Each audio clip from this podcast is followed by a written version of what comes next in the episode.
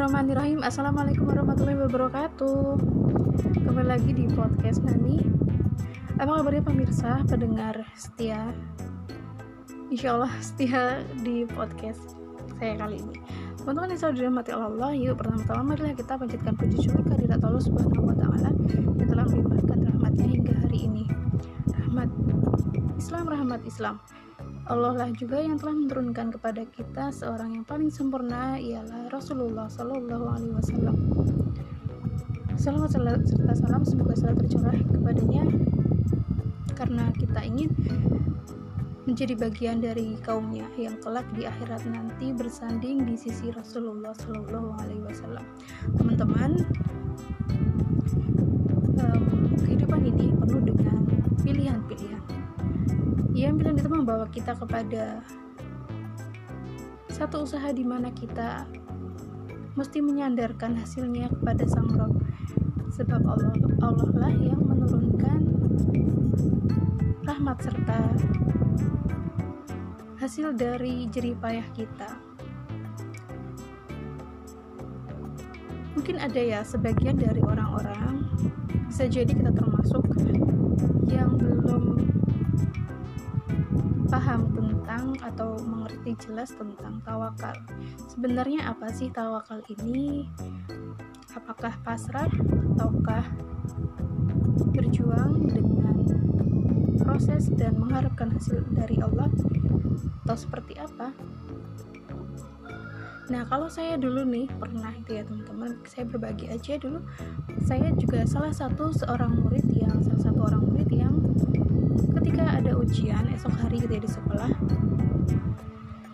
pernah melewatkan waktu tidak belajar. Kemudian saya pasrah aja nih teman-teman. Berharap semoga besok ada keajaiban. Nah ini sebenarnya tidak ada usaha di dalamnya ya usahanya ya hanya ketika mengerjakan saja tidak ada modal ketika saya ingin ujian. Jadi apakah hasilnya akan setara dengan apa yang saya lakukan? Maka kita sudah mengetahuinya ya sejak awal bahwa itu tidak akan mungkin terjadi. Keajaiban yang saya mendapatkan nilai 100 itu seperti hanya ilusi seperti halnya itu, itu juga mungkin keadaan saat ini juga seperti itu ya. Jika kita jauh daripada Allah jauh daripada hukum-hukum Allah maka akan menghasilkan kemudaratan dan menjauhkan kemaslahatan karena jika Allah yang menurunkan aturan kita pakai aturannya maka akan mendatangkan kemaslahatan umum. Dalam menyikapi apa yang sudah kita usahakan kita mesti menyandarkannya kembali kepada Allah, menyerahkan hasilnya kepada Allah, menyerahkan apa-apa yang kemudian menjadi keputusan Allah. Apakah contoh yang saya sebutkan di tadi ya ketika saya ujian itu, apakah termasuk juga tawakal? Apakah itu juga benar jika disebut dengan tawakal? Maka semoga kita bisa menyimpulkannya nanti tawakal sebenarnya. Ibnu Rajab rahimahullah dalam Jami'ul Ulum wal Hikam beliau tatkala menjelaskan hadis nomor 49 beliau mengatakan tawakal adalah benarnya penyandaran hati kepada Allah Azza wa Jalla untuk meraih berbagai kemaslahatan dan menghilangkan bahaya baik dalam urusan dunia maupun akhirat menyerahkan semua urusan kepadanya serta meyakini dengan sebenar-benarnya bahwa tidak ada yang memberi menghalangi mendatangkan bahaya sekaligus mendatangkan manfaat kecuali Allah semata. Dari keterangan Ibnu Rajab tersebut kita bisa mengetahui bahwasanya semua keadaan semua hasilnya semua yang ada di mata kita itu datangnya dari Allah. Maka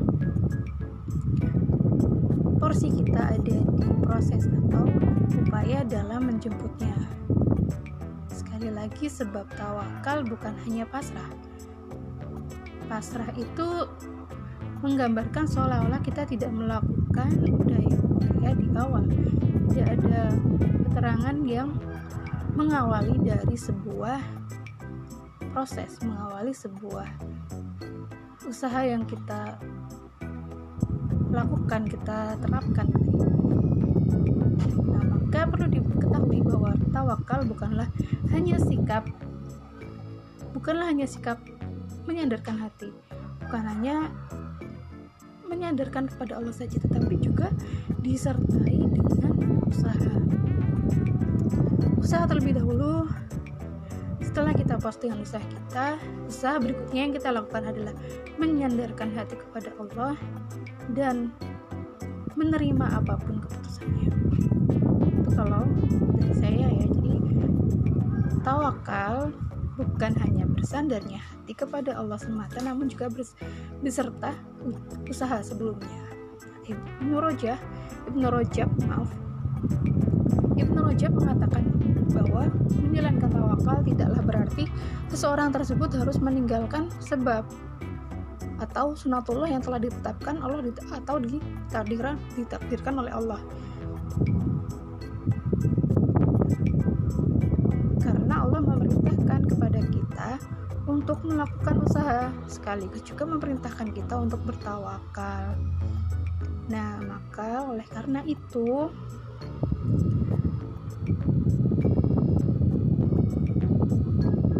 usaha kita yang kita lakukan Allah juga memerintahkan kita untuk bertawakal. Namun kita tidak harus melupakan dan mengesampingkan sebabnya. Tidaklah berarti harus meninggalkan tidaklah harus menutup mata kepada sebab atau sunatullah yang telah ditetapkan oleh Allah berupa ketetapan Allah maupun yang telah ditakdirkan oleh Allah atau keputusan Allah. Oleh karena itu teman-teman usaha dengan anggota badan seluruh badan seluruh anggota badan demi meraih untuk meraih sebab termasuk ketaatan termasuk ketaatan bahkan teman-teman termasuk ketaatan kepada Allah sedangkan tawakal dengan hati merupakan keimanan kepadanya. Jadi keimanan kita uh, maaf ternyata tawakal kita dengan hati itu adalah bagian dari keimanan kepadanya. Tawakal merupakan keimanan kepadanya. Tawakal yang dengan hati. Tawakal yang diiringi oleh hati kepada Allah ya merupakan keimanan kepadanya maka termasuk itu pula hati kan termasuk anggota badan ya ya. Termasuk anggota badan. Maka usaha usaha hati tersebut untuk meraih itu juga termasuk ketaatan kepada Allah. Maka itu dia ya tadi ya urutannya gitu ya teman-teman. Hal ini kemudian Allah tegaskan sebagaimana yang Allah telah firmankan dalam Quran Al-Quran surat An-Nisa ayat surat ke keempat keempat di ayat 71 yang artinya hai orang-orang yang beriman ambillah sikap waspada. Ambillah sikap waspada.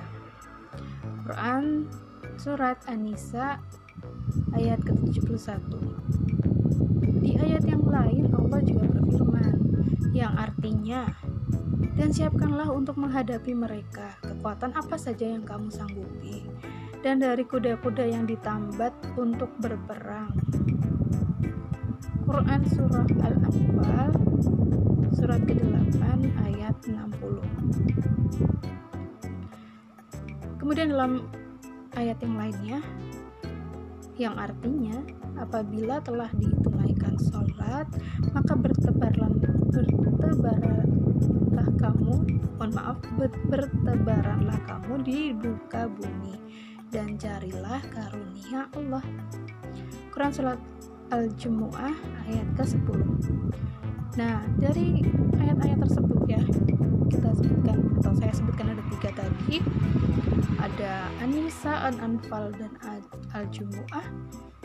Kita bisa melihat bahwasanya kita diperintahkan oleh Allah untuk melakukan usaha. Sebagaimana yang disebutkan di Quran Quran surat An-Nisa tadi bahwa kita diperkenankan kemudian memiliki sikap waspada yang tidak kemudian kita polos-polos aja gitu dengan no kemudian apa pun terjadi ya sudah kita menerima itu sebagai ketetapan Allah. Ya ternyata Allah mendahulunya dengan sikap waspada. Yang pertama di dalam surat yang berikutnya di Al-Anfal Allah sebutkan di sana bahwa ketika itu keadaannya uh, atau si kudanya tersebut ya kudanya itu diminta di dianjurkan oleh Allah untuk ditambatkan. Ditambatkan untuk ditambatkan itu diikat ya di ya kalau sekarang dia diamankan di satu keadaan yang kemudian ditalikan tambat di menambat ya diikat di satu tempat itu yang aman. Kemudian supaya si kuda ini tidak lari tidak kabur tidak pergi dari kita maka kuda tersebut bisa kita gunakan bisa kita manfaatkan untuk e, di berbagai keadaan. Contohnya di sini yaitu ya berperang. Maka ada usaha menempuh kepeliharaannya si kuda tadi. Nah, kemudian apalagi di dalam hal rezeki. Maka ketika setelah menunaikan sholat dalam hal ini misalnya di sholat al-jum'ah ini sholat sholat jumat bertepatan sekali dengan hari ini hari Jumat teman-teman maka selesai dari sholat kamu bertebarlah di muka bumi ini mencari karunia Allah. Maka karunia Allah ini ternyata kita jemput dengan apa kita ke tempat-tempat yang di sana ada kemungkinan ada rezekinya Allah. Kita menghampiri tempat tersebut gitu kan. Nah maka kalau misalnya saat ini ada tren itu ya tren dari rumah tanpa ke mana-mana barang datang sendiri dari bank kita bisa memesan apa pun uang keluar sendiri orang ma uh, uang masuk sendiri dari atas kursi kita ya kita cuman di atas kursi aja duduk gitu ya. Atau mungkin dalam keadaan rebahan semuanya datang dan pergi gitu aja. Kita cari uang dari atas kursi kita cari uang dari atas tempat tidur mungkin dari di bawah atap rumah kita kemudian itu datang. Nah maka yang perlu kita lakukan usaha yang kita, yang bisa kita lakukan menghadapi itu ya cari cari tahu apa sebenarnya dibalik itu apakah memang dibolehkan oleh Allah maka nanti kita tahu nih kalau misalnya kita udah cari cari infonya cari tahu lebih dalam mengenainya maka kita akan mengetahuinya.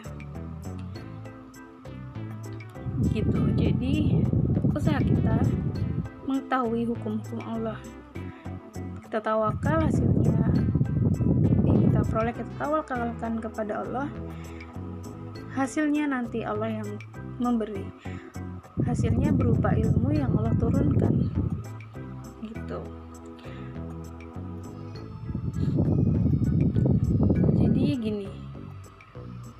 ketika seseorang itu tidak mengetahui hal ihwal tentang satu hukum kadang dia hanya menunggu atau ketika sudah datang kabar kepadanya lewat satu postingan misalnya ada tentang hukum hukum makan all you can eat gitu ya.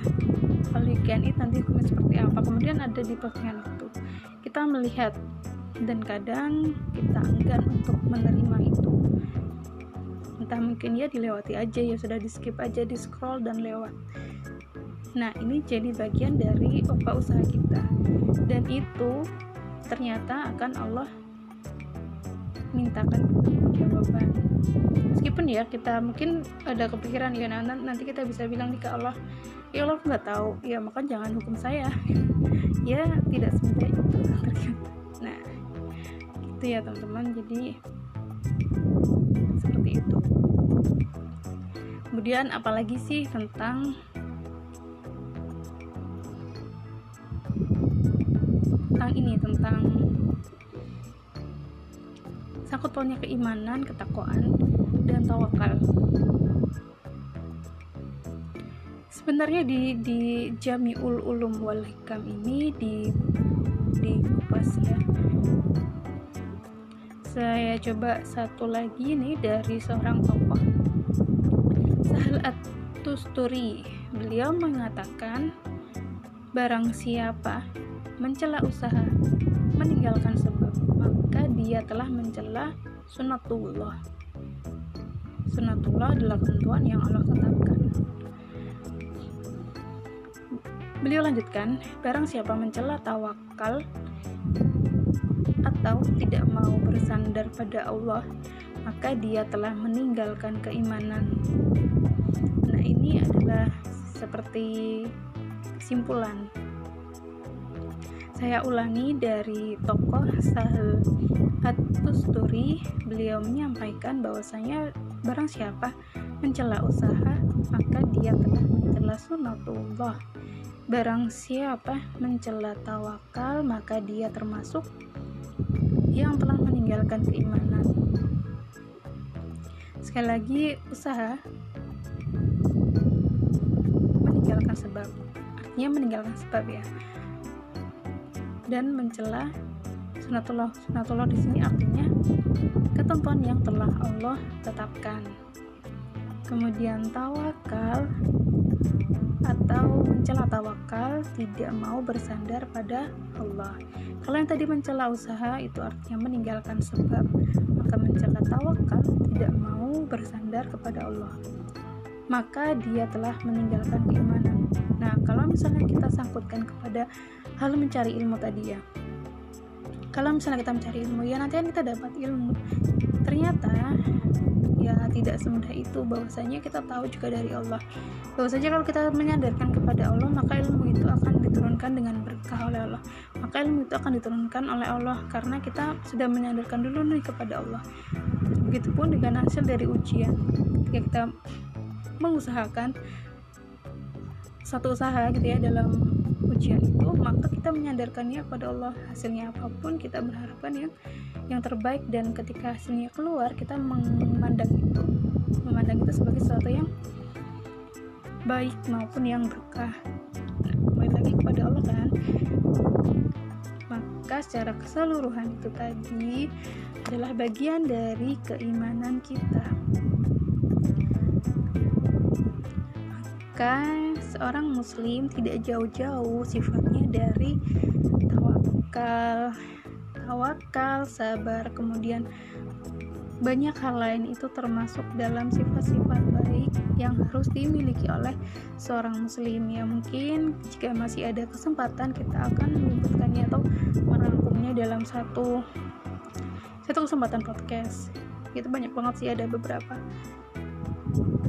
Gitu baik teman-teman sekian dulu yang bisa saya sampaikan. Terima kasih atas perhatiannya. Terima kasih. Saya akhiri. Wassalamualaikum warahmatullahi wabarakatuh.